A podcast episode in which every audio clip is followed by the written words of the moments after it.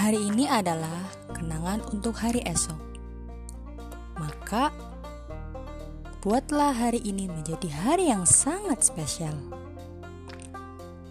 Yuk, kita mulai bercerita.